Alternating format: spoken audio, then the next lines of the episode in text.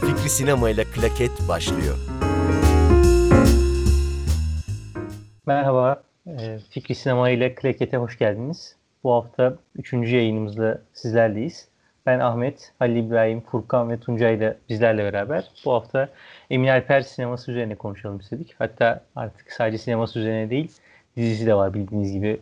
E, Alef bu ara çok gündemde. Onu da katarak bir söyleşi yapalım. Emin Alper'in filmlerini ve dizilerini, dizisini değerlendirelim istedik. E, özellikle Emin Alper'in genel olarak son zamanlardaki yükselişini konuşalım. Filmlerine bakışı, bakışını değerlendirelim. Bizim gözümüzden Emin Alper nerede diye de bir konuşalım istedik. Ee, hoş geldiniz. Nasılsınız? Teşekkürler. Her şey yolunda mı? İ, iç güveysiden halledeceğiz. e tabi hala hala aynı durumdayız değil mi? Son bıraktığımız güzel. Değişen bir şey yok. Evet, evet. İnşallah, inşallah geçecek bu günler. Peki. E, Emin Alper sinemasına hızlıca girelim o zaman. E, nasıl başlayalım? Kronolojik başlayalım diye düşünüyorum ben ama şöyle yapalım isterseniz. Tepenin Ardı filmiyle bir girelim konuşmaya. Zaten oradan muhtemelen biz yine atlaya atlaya hepsini konuşacağız. e, bütün yönetmenin tüm filmleri değerlendireceğiz. Ben Tepenin Ardı filmini e, epey beğendim aslında. Çok beğendiğim bir film Tepenin Ardı.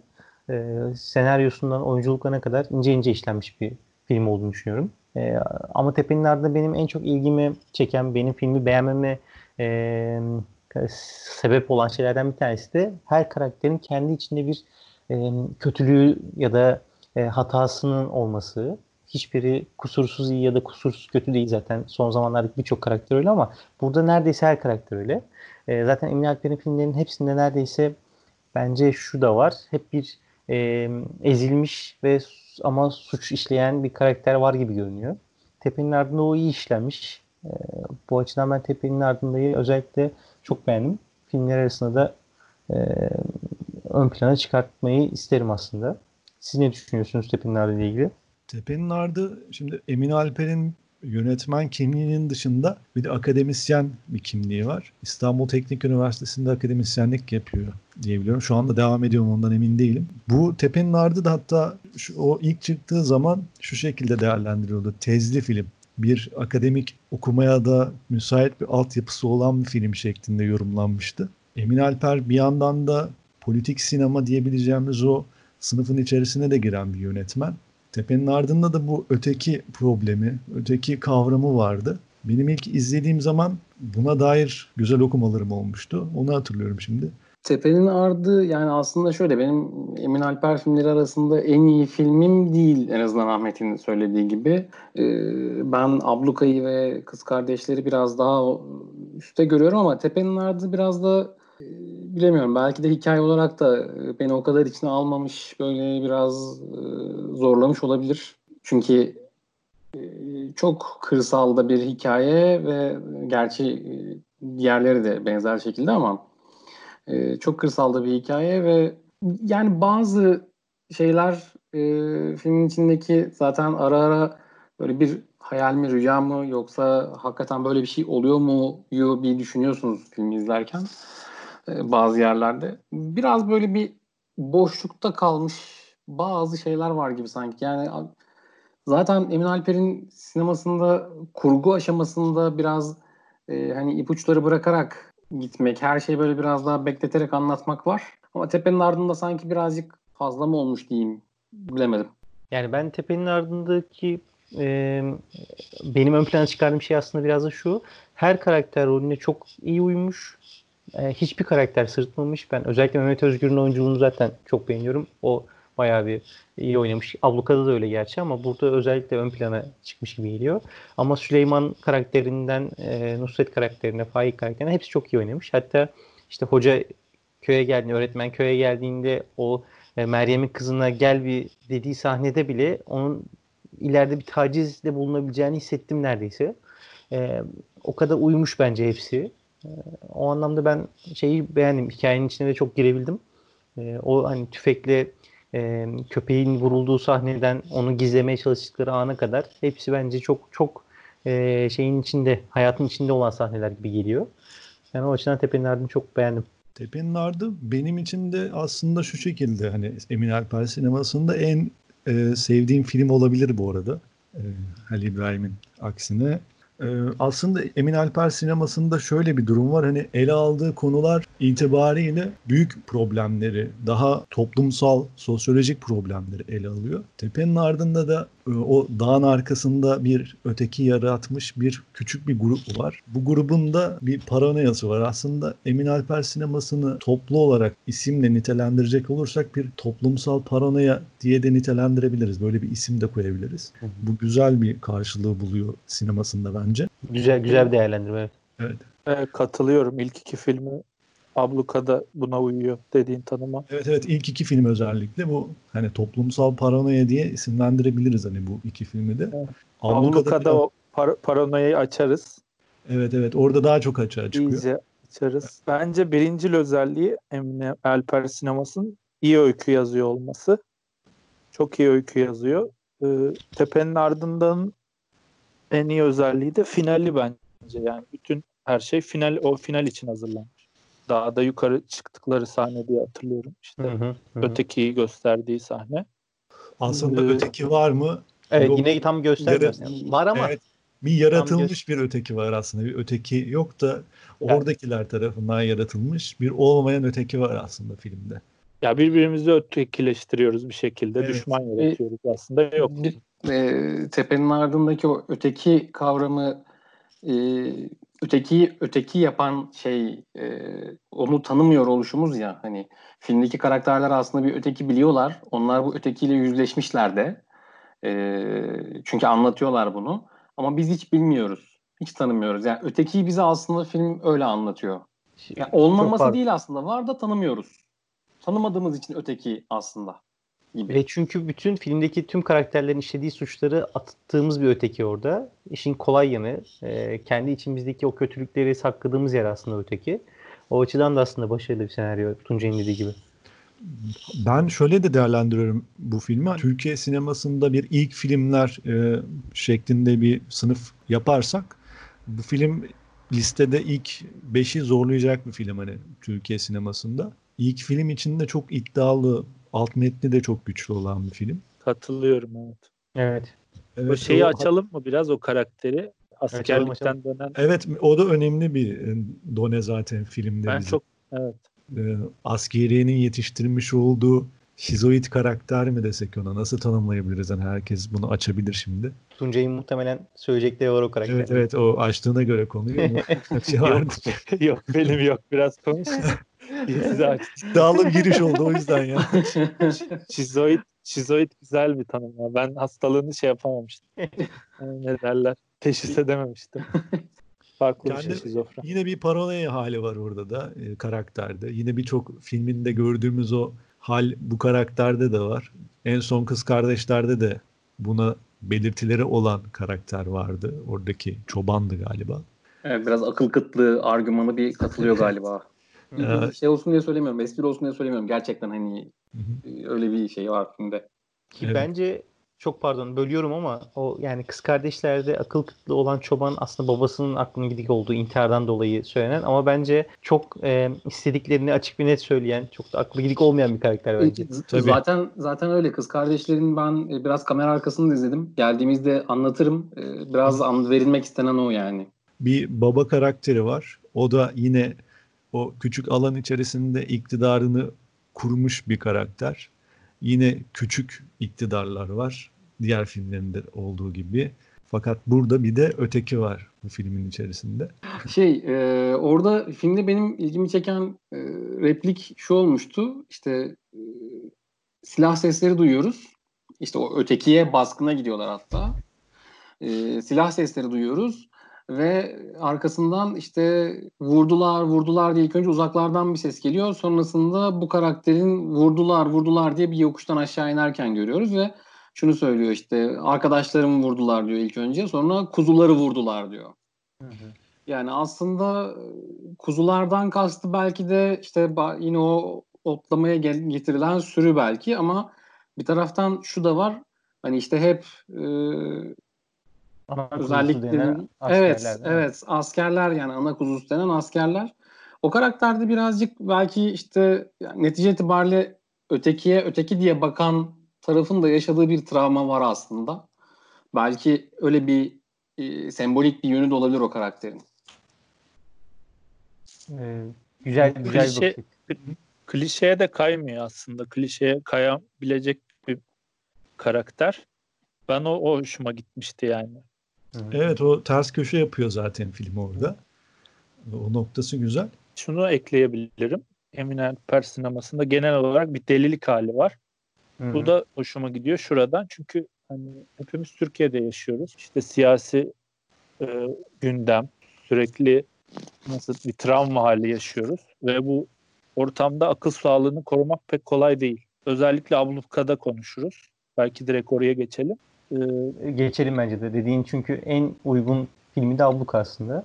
evet yani bu ortamda akıl sağlığını korumak zo- zor. Kolay Hı değil. Bunu da son dönem Türk sinemasında yapabilen başka bir yönetmen bilmiyorum. Ben, benim o yüzden hoşuma gidiyor. Benim aklıma bir de şey geliyor. Sarmaşık geliyor. Benzer Evet doğru. delilik haline yansıtan film olarak. Ben burada tabii önce şöyle bir kısa bir teşekkürle gireyim araya. Biz tabii hem Tepe'nin ardında hem Abluka'da oynayan Mehmet Özgür'le de bir röportaj yapmıştık birkaç sene önce.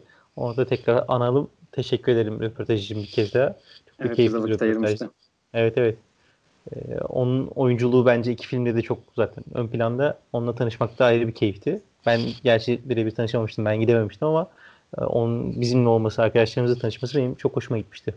Evet ben ben oradaydım. Ege ile beraber gitmiştik. Hatta o röportajda biraz böyle bir son dakika olmuştu.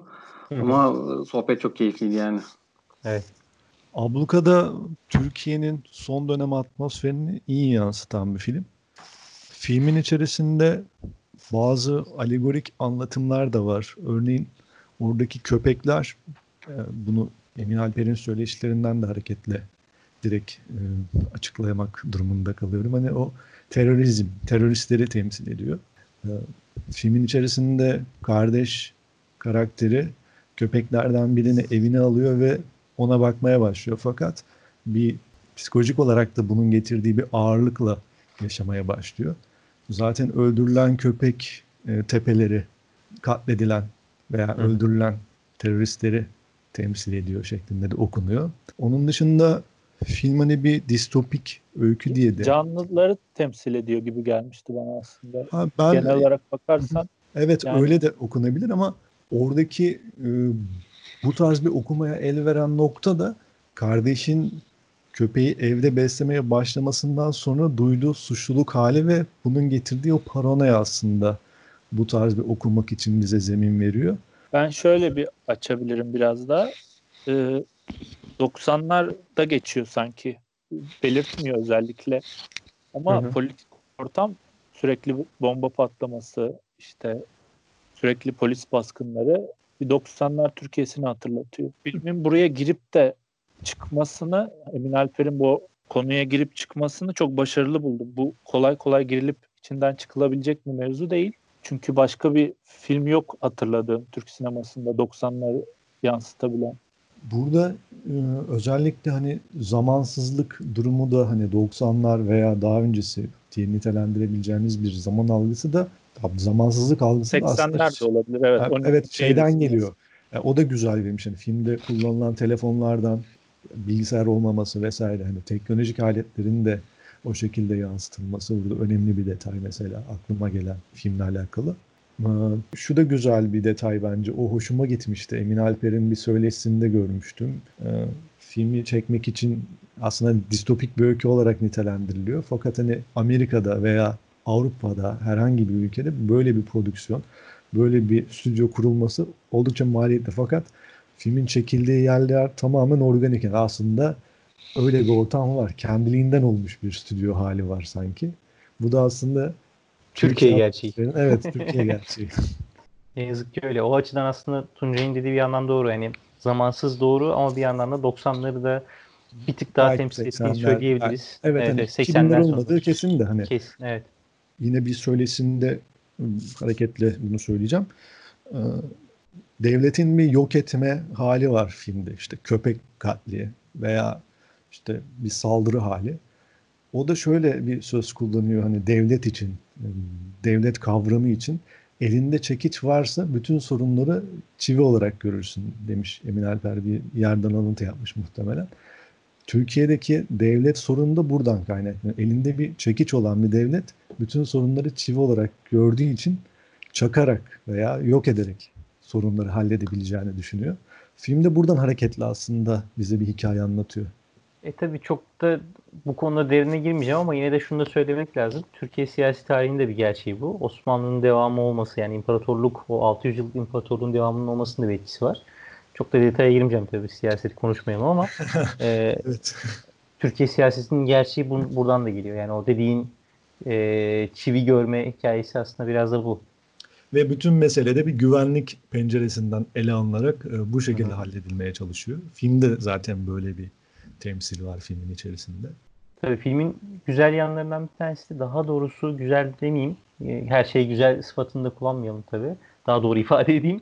Kaliteli izlememizi sağlayan o kalitesinin bir kısmında distopik bir hikaye anlatması gerçekten. Çünkü son zamanlarda hem bu kadar e, Türkiye gerçeğini anlatan hem de böyle distopik bir hikaye e, ben de hatırlamıyorum. E, üstelik bunda e, izlerken son ana kadar soluksuz izleyebileceğimiz bir halde veriyor Emin Alper. O açıdan da e, iddialı bir yapım, iddialı bir film. Zaten aldığı ödüllerle de e, yerini perçinledi. Abluka filminde hani her zaman bir delilik var diyoruz ya Emin Alper sinemasında. Ee, Abluka filminde biraz daha e, farklı bir boyuta gittiğini söyleyebilir miyiz? E, zaten işte e, Mehmet Özgür karakter, Mehmet Özgür'ün canlandırdığı o Kadir karakterinin bir şey durumu var. Hmm, panikleme hani bir hey heylenme durumu var zaten. Ee, işte örgütten şüphelenip işte kardeşim onlar ellerinde tutuyorlar falan gibi bir çıkışı. Ee, ama e, o deliliğin, o e, hezeyanın diyelim artık e, dışında Abluka'da diğer iki filme göre farklı olarak biraz daha bir e, halüsinatif böyle biraz daha sayıklayan bir tarafı var diyebilir miyiz? Hani işte o e, ilk önce e, sevişme seslerini dinlemesi, o Kadir'in daha sonra işte benzer sesler duymamız, işte bir kadının aynı evde olmasından şüphelenmesi ama işte sonra o sesin böyle bir köpek sesine dönmesi gibi bazı şeyler var ya filmin içinde. Biraz daha öyle diyebilir miyiz? Hani e, delilikten çıkıp da biraz daha e, halüsinatif bir dünya yaratmış orada aslında. Doğru. Sesleri çok iyi kullanmış. Zil sesi de yine. Özellikle bu filmdeki ses tasarımı çok ön planda zaten. Yani Abluka filmi için bunu değinmeden geçmek yanlış olur herhalde. Ses tasarımı olarak, görüntü yönetmenliği olarak da çok iyi bir film. Diğer iki filme göre daha hareketli bir film zaten. Ama Kız Kardeşler ve Tepe'nin ardında daha statik bir görüntü bize sunuyor. Ama burada daha dinamik, karanlık, distopya öyküsüne daha uygun bir yapısı da var filmin. E, Tepe'nin Aynen. ardında ile Kız Kardeşler görüntü yönetmenliği olarak daha çok birbirine benzeyen filmler. Gerçi her filmde ayrı bir görüntü yönetmeniyle çalışmış durumda ama e, dediğin gibi Abluka bir tık daha farklı bu açıdan.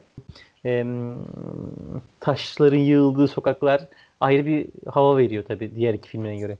koyduğu unsurlardan birisi de bir fluluk bırakması.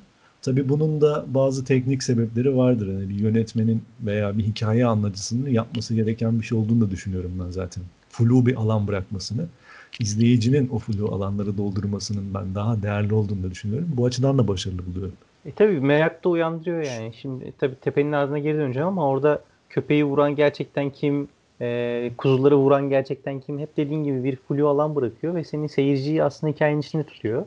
Abluka'da da var aynısı. Kız kardeşlerde de bir tık var. Bir yere kadar hikayeyi açıklayana kadar var en azından. E, dolayısıyla o, o bence seyirciyi tutan, dinamik tutan bir şey. Filmin içinde tutan bir şey. Şunu ekleyebilirim. Abluka, Abluka filmiyle ilgili. Emin Alper si- sinemasında hep mizah da var. Şimdi ben en son Abluka'yı izledim. Podcast için izledim. Ödevimi yaptım geldim. uzun uzun da konuşabilirim bilmiyorum. Açar mıyız daha fazla. Ee, bir sahneyi hatırlar mısınız bilmiyorum.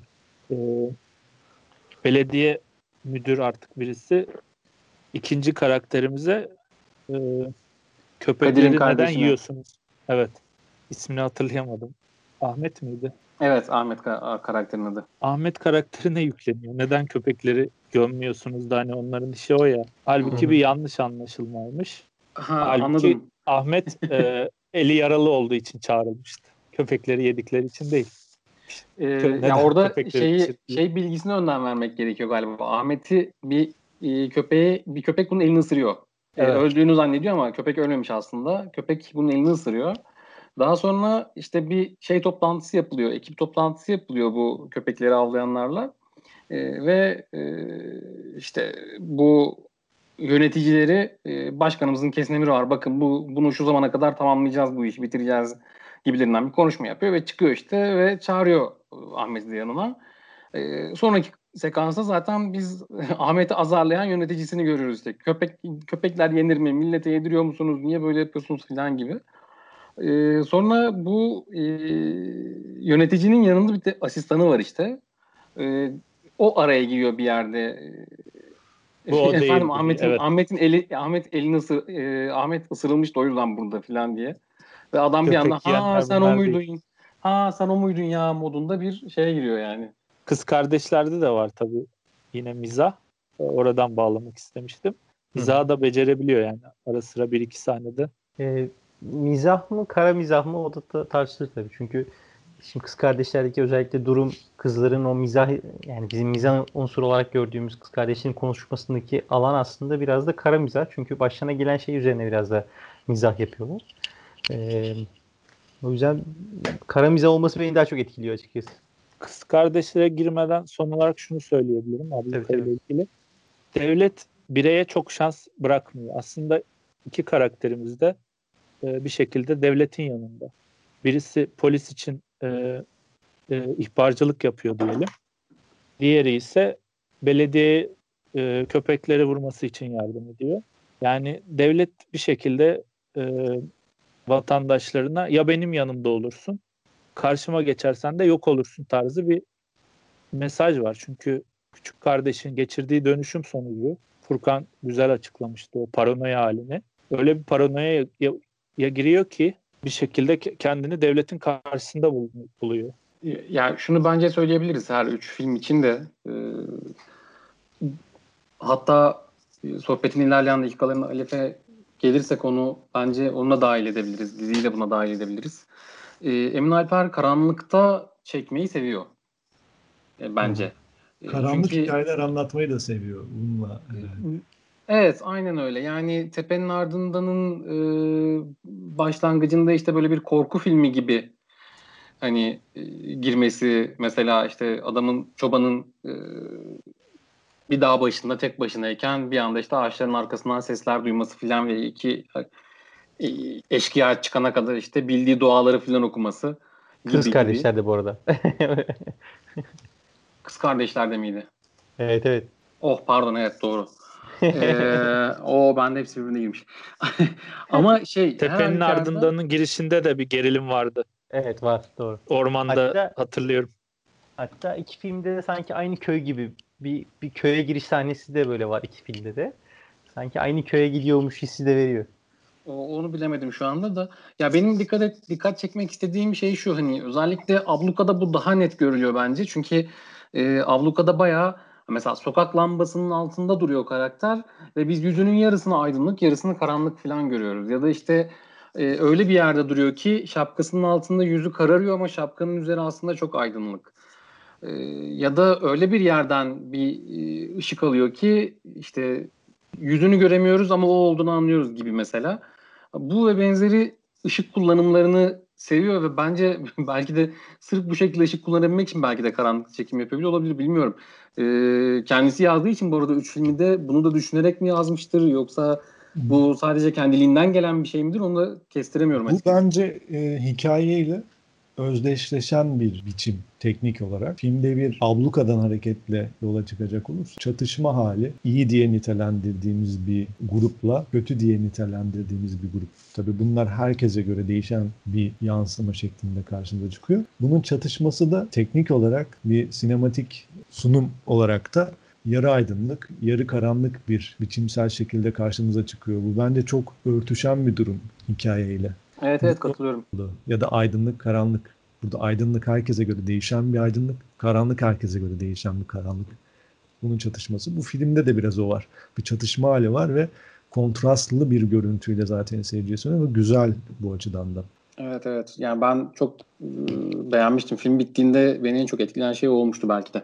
Finali nasıl buldunuz? Sanki e, küçük kardeşin evdeyken polislere silah sıktığı sahnede bitse daha etkileyici olurdu gibi geldi bana. Emin Alper sinemasında hep e, finaller tartışmalı oluyor nedense. Ben 3 filminde de bu tarz e, sohbetlere katılmıştım. 3 yani filminde de farklı zamanlarda farklı sohbetlerde hep bir tartışma yaratan bir final hali var Emin Alper sinemasında. O da ilginç bir detay.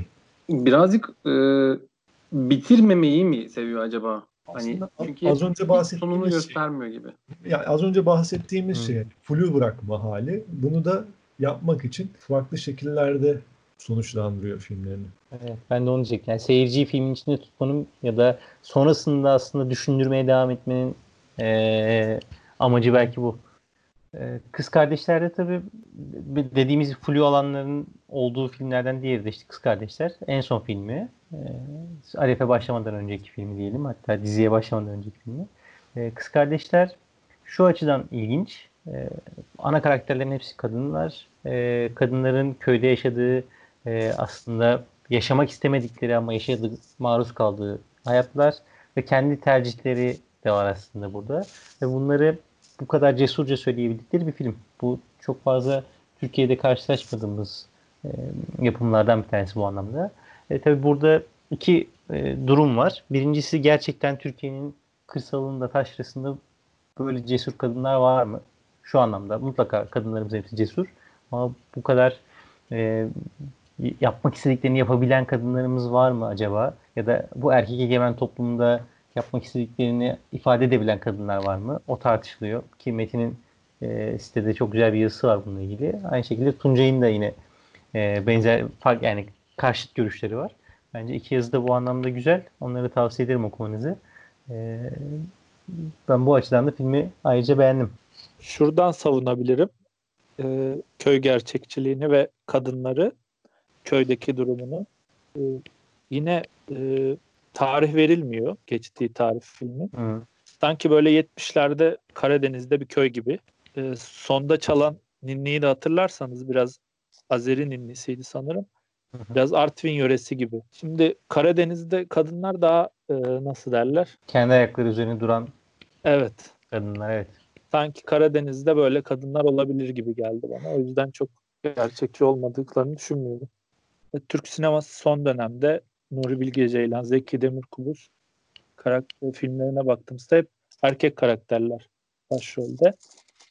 Sanki Emine Alper de biraz da kadınlar ön planda olsun diye bilerek çekmiş gibi geldi bana. Hani kadın karakter bir erkek yönetmen için yazmak zordur. Ee, ama orada işte o kadın karakterler acaba dediğimiz kadar her istediğini yapabilen her istediğini söyleyebilen e, hani Ahmet'in dediği gibi ya da e, Tuncay'ın belirttiği gibi böyle bir kendi ayakları üzerine durabilen karakterler mi acaba? Biraz onları tartışmak lazım. Çünkü e, orada mesela işte bir eve besleme olarak gidiyorlar aslında e, ve çok da ilginç bir şekilde sıra sıra hepsi gidiyor o eve. İşte evet. biraz daha gelişmiş bir e, yerde yaşamak için hani şehir de değil muhtemelen kasaba gibi bir yerden bahsediyoruz. E, ve ilk giden ablaları işte filmde anlıyoruz ki hamile kalıp geri dönüyor.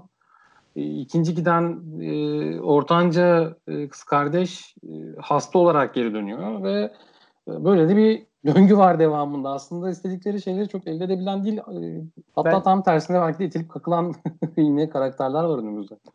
Ya buna ben cevap vereyim. Ben tabii Metin'in yazısını da referans yaptım ama ben de aynı şey aynı şeyi düşünüyorum. Neden bunu söyledim? Aslında her istediklerini yapabilen değil. Ama şu var ki e, mesela dediğin gibi ilk abla gidiyor işte kucağında bebekle dönüyor. Normal şartlarda olsa bunun namus cinayetiyle bitmeye olasılığı çok daha yüksek. İkinci kardeş gidiyor evde çocukları dövüyor. Besleme gittiği evin çocuklarını dövüyor. Geri dönüyor. Babasından herhangi bir şiddet görmüyor.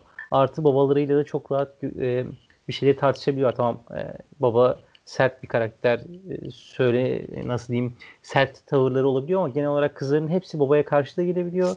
Babalarıyla rahat da konuşabiliyor. Aslında bu açıdan bir nebze taşradan uzak e, anlamında söylemiştim. Yoksa her istediğini tabii ki yapmıyor. Sonuçta hepsi besleme gidiyor bir yerlere. E, erkek egemen bir film tabii ki yine. Ama yine de e, gerçekten böyle bir olay olsa nasıl olurdu e, dersek daha uzak bir şey çıkabilir. Daha farklı bir hikaye çıkabilir karşımıza. Ben bu konuda şöyle bir şey söyleyebilirim. Bu filmde şehre e, besleme olarak gittiklerinin gitmelerinin sebebi aslında kadın olmalarının dışında ekonomik bir temele dayanıyor. Burada bir kadının diğer filmlere nazaran bir özne konumunda olmasına da bir tecavüz sahnesi var. Buradan e, güzel bir detayla açıklayabiliriz. Orada kadın erkeğe tecavüz ediyor bu filmde. Hı hı, hı. Bu bir aslında bir kadının özne konumunda olduğunu veya daha güçlü bir konumda olduğunu gösteren tartışmaya açık tabi. Yani tam tecavüz anlatı- demeyelim ona ama kadının Yani. isteğiyle olan bir Ya evet, kadının birleşme isteği. diyelim. evet hani kadının isteğiyle ama hani tecavüzü de nitelendirebiliriz bilmiyorum. Ee, buradaki durumda hani Türk sinemasında daha önce nadir olarak karşımıza çıkan bir detay. Bu açıdan da ve başka detayları da göz önüne aldığımızda örneğin besleme olarak gitmesi ve o evde de bir söz sahibi olan aslında adam değil de adamın karısı gibi de duruyor. Çünkü Doğru. kadının evden gitmesini isteyen yine bir kadın aslında. Yani aslında kadınların çevresinde konumlanmış ve iktidar olarak kadınların çevresinde konumlanmış erkekler görüyoruz şimdi bu açıdan. Hatta şöyle arttırayım. Baba iki kere aynı söylemde bulunuyor. Anneniz sizin bu köyden gitmenizi besleme ol- olarak gitmenizi istiyordu. Çünkü aslında şehire gidip hayatınızı kurtarma yani kendi ayaklarınız üzerine bir yerden sonra durmanızı istiyorduya getiriyor. Yine kadınların evet besleme olarak gidiyorlar ama kendilerini kurtarıyorlar gibi ifade ediyor film. Tabii ki besleme giden kadınlar kendini kurtarmıyorlar ama ifade ettiği şey o. E, bu anlamda aslında benim ilk başta söylemeye çalıştığım şey oydu. Çok da böyle değil gerçek hayat.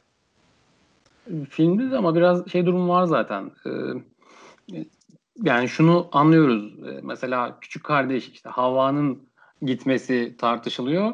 Ee, ve o esnada işte yeni getirilmiş olan ortanca kardeş ha git tabii git seni ortaokula gönderecekti zaten onlar da deyip hani tepkisini gösteriyor biraz. Besleme olarak gidenler evet anne baba yani kızların anne babası e, gidin de kendinizi kurtarın diye biz zaten çok önceden düşünmüştük diyorlar ama gittikleri yerde bir kendilerini kurtarma durumu da yok aslında. Yani aksine sadece yine gerçek anlamda bir besleme olarak yaşıyorlar yani. Doğru. Buradaki e, kurtarma, kendini kurtarma diye tanımladığımız durum ama e, mevcut bulundukları konumla karşılaştırılınca bir e, artı puan olarak karşımıza çıkıyor.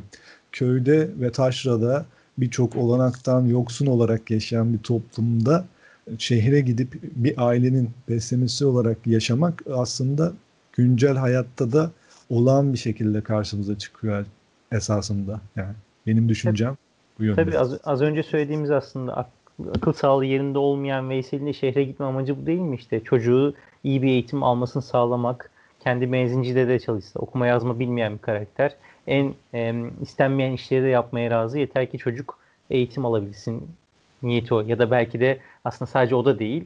Babanın yanından kurtulma, eşiyle tek başına bir hayat yaşama isteği de var.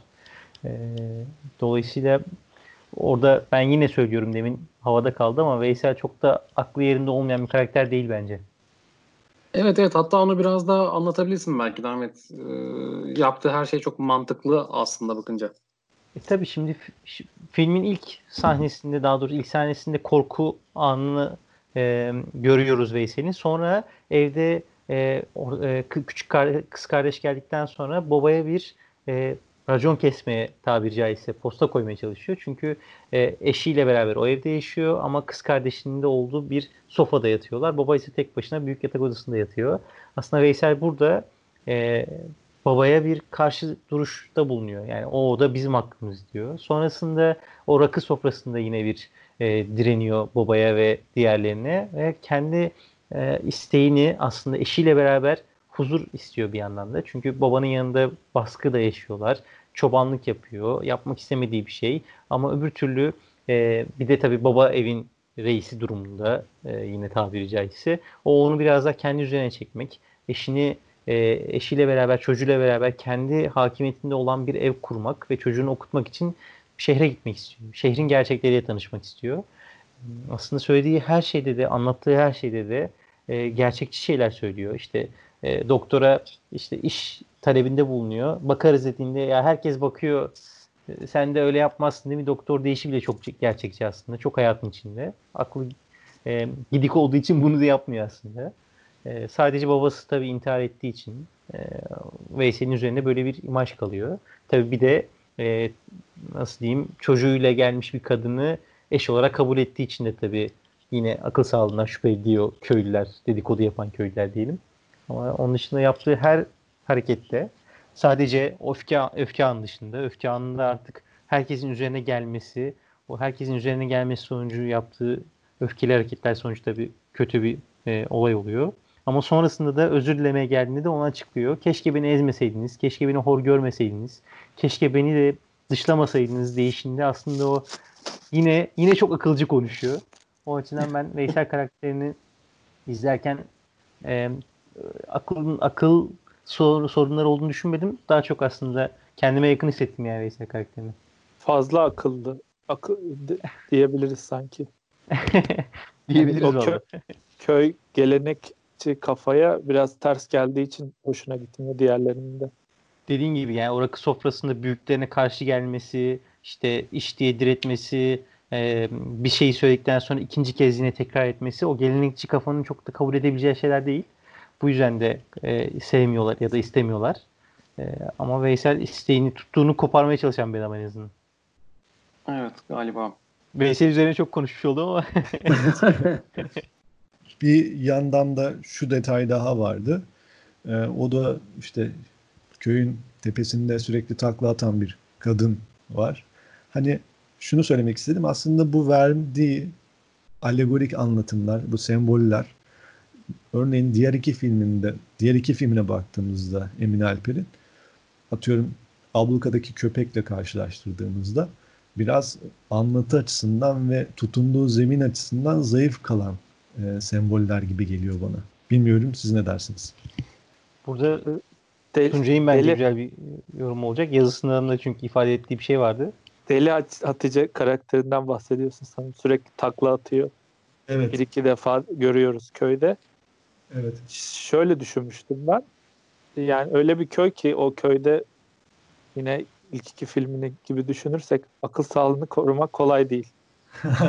Veysel karakterini de düşünürsek o da e, delirmiyor ama yaptığı bir hata sonucu nasıl diyelim tek başına yaşamaya mahkum kalıyor. Yani biraz insanların kaderini gösteriyor sanki.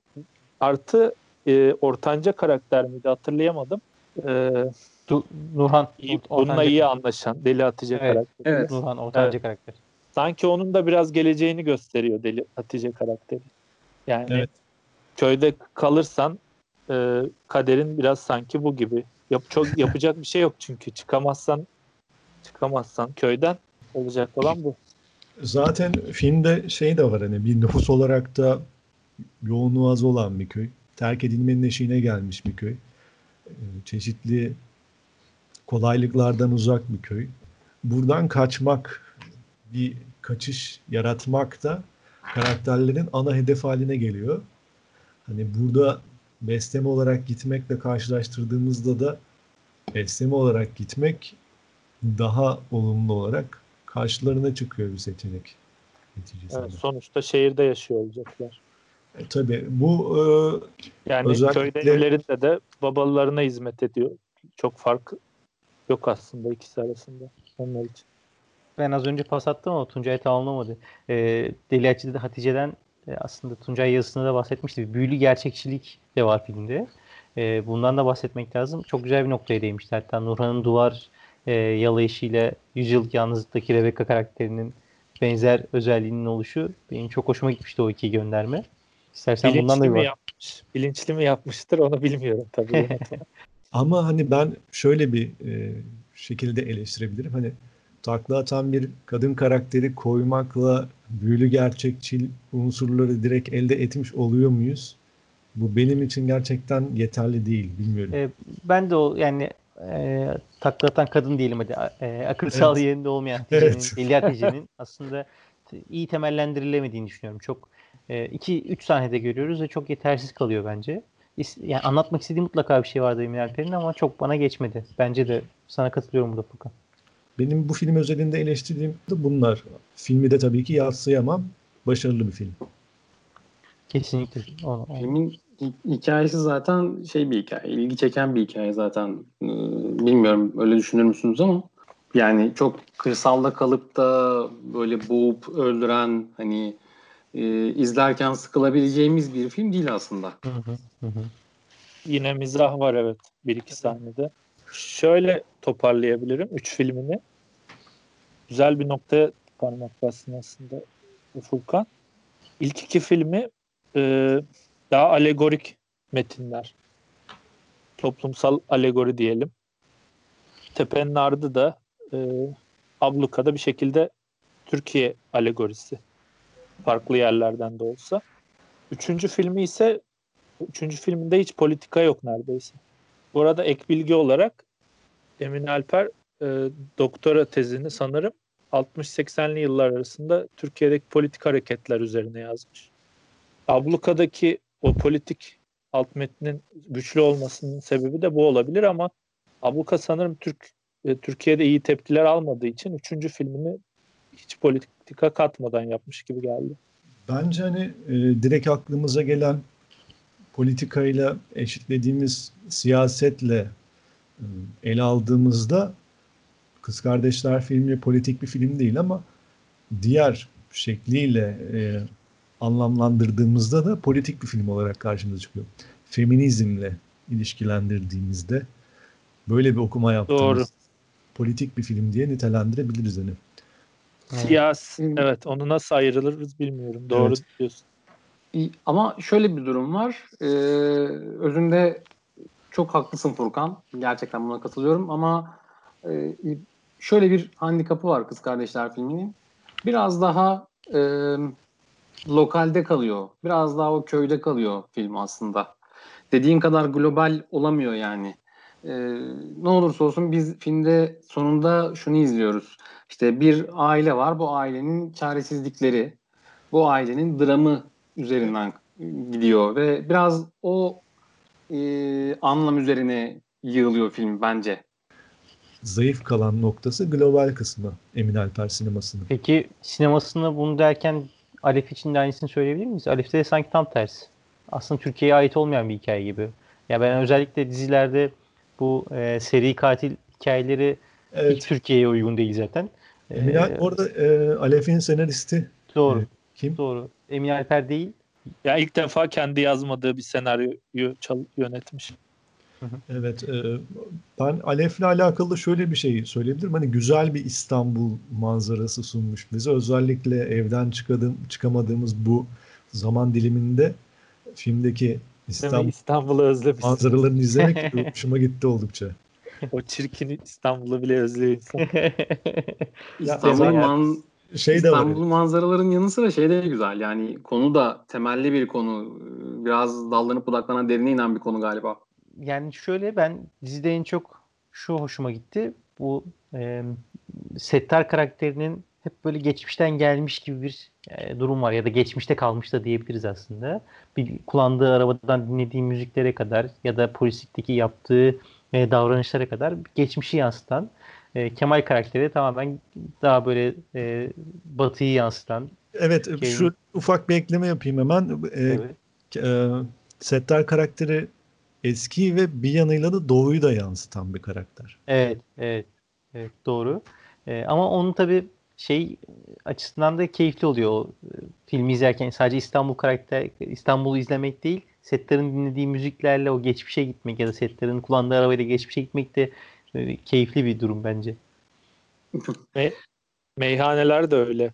Evet, evet doğru. Mekanların tamamı neredeyse hatta. Yani, yani bayağı güzel mekan varmış iyi. İstanbul'da. Evet, Balat civarında özellikle izlediğim sahnelerde hayranlıkla izledim filmi.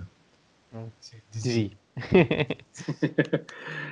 Ee, ben şey merak ediyorum mesela e, iki şey var hatta merak ettiğim bu, bu şu sohbetin geldiği şu noktada. Şimdi mesela bu Kız Kardeşler filminin kamera arkasını biraz izledim ben. Ee, ve oyuncularla yani oyuncu yönetimi konusunda Emin Alper'in nasıl çalıştığını biraz gözlemlemeye çalıştım e, olabildiğince. E, kesinlikle e, şunu görüyoruz. Oyuncular da bunu söylüyorlar zaten. E, çok yardımcı olan, e, çok yönlendiren ve sürekli olarak e, hani yeni provalar yapan, yeni provalar yaptıkça yeni şeyler çıkaran bir yönetmen.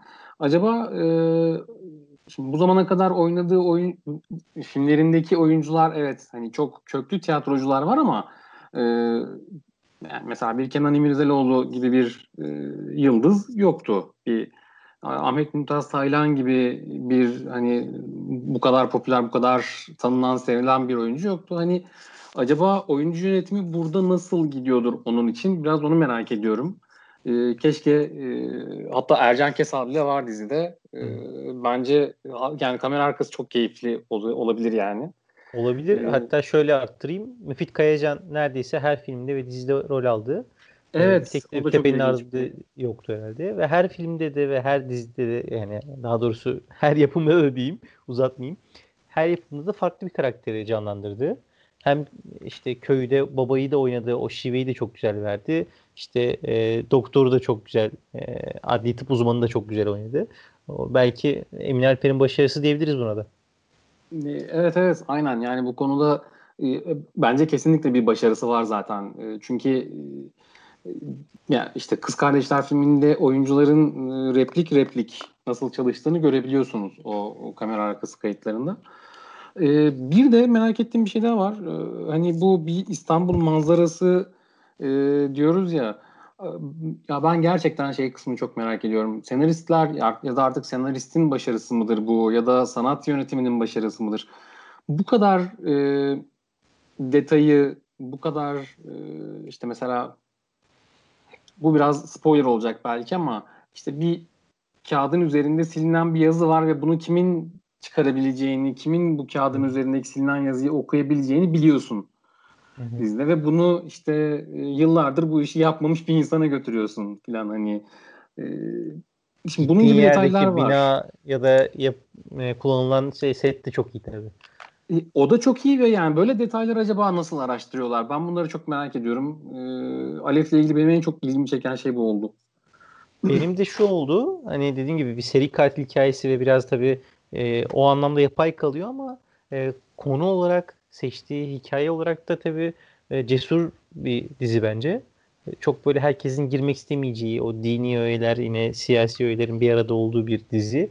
E, tabii yine bu Emin Alper değil Emre Kayış'ın senaryosundan geliyor tabii ama e, yine de Emin Alper'in de yönetmenliğiyle ayrı bir yere geçmiş dizi. Bence bir şey olmuş. Bir de tabii e, Emin Alper'in yani bir sinema yönetmeninin çekmesi biraz daha dizideki bölümleri izlerken bir sinema filmi izliyormuş havası da veriyor. O bakış açısı bence bir ayrılıyor. Yani dizi yönetmenleriyle sinema yönetmenlerinin e, bir farkı var. Emin Alper de bunu hissettiriyor bence bölümlerde. E, ama bence Arefe tabii ayrı bir sezon bittiğinde şu an e, sezonun ortasındayız. Sezon bittiğinde ayrı bir bölüm e, sezon değerlendirmesi yaparız. E, ufak ufak toparlayalım bence Emin Alper e, bölümümüzü. E, biz genel olarak Emin Alper sinemasını, dizilerini seviyoruz diyebiliriz aslında. E, çünkü yaptığı her işte e, adından söz ettiriyor ve bir iz bırakıyor Emin Alper. Bir imza atıyor her işine. Bu açıdan değerli bir yönetmen. E, umarım daha birçok işini, birçok yapımını seyredebiliriz. E, Emin Alper gibi yönetmenlere de ihtiyacımız var diyorum ben. E, sizlerle de sizlerin de son bir görüşünü alıp bölümü kapatalım derim. Emin Alper e, bence Türkiye sinemasında genç yönetmenler diye e, sınıflandıracağımız e, alanda en önemli bir rol sahibi. Ben çok güzel işler yapacağını düşünüyorum. Ya bence zaten yeni bir soluk şeklinde adlandırmamız çok yanlış olmaz herhalde. Daha üç film var sadece. Daha da yeni yeni daha da güzel filmleri olacaktır. Ben de merakla bekliyorum aslında. Yani yeni filmlerini yapsın da izleyelim diye. Üç film. Üçü de kötü değil, iyi. Ortalamanın bayağı üstünde. İyi bir çıkış yaptı. Daha iyilerini de çekecektir. Yani de Aynı şey düşünüyorum. Ağzınıza sağlık. Bence çok güzel bir bölüm oldu. Tabii bu bölümün bu kadar güzel keyifli geçmesinde Emin Alper'in de büyük katkısı var. Çok iyi filmler ve e, dizi çektiği için belki de bu kadar keyifli oldu. Bize anlatacak, eleştirecek ya da e, öne çıkaracak çok şey verdi sağ olsun. E, ben Ahmet, e, Furkan, Halil İbrahim ve Tuncay ile beraber e, umarım beğeneceğiniz bir bölüm ortaya çıkarmışızdır. Haftaya görüşmek üzere. Fikri Sinema ile Klaket sona erdi.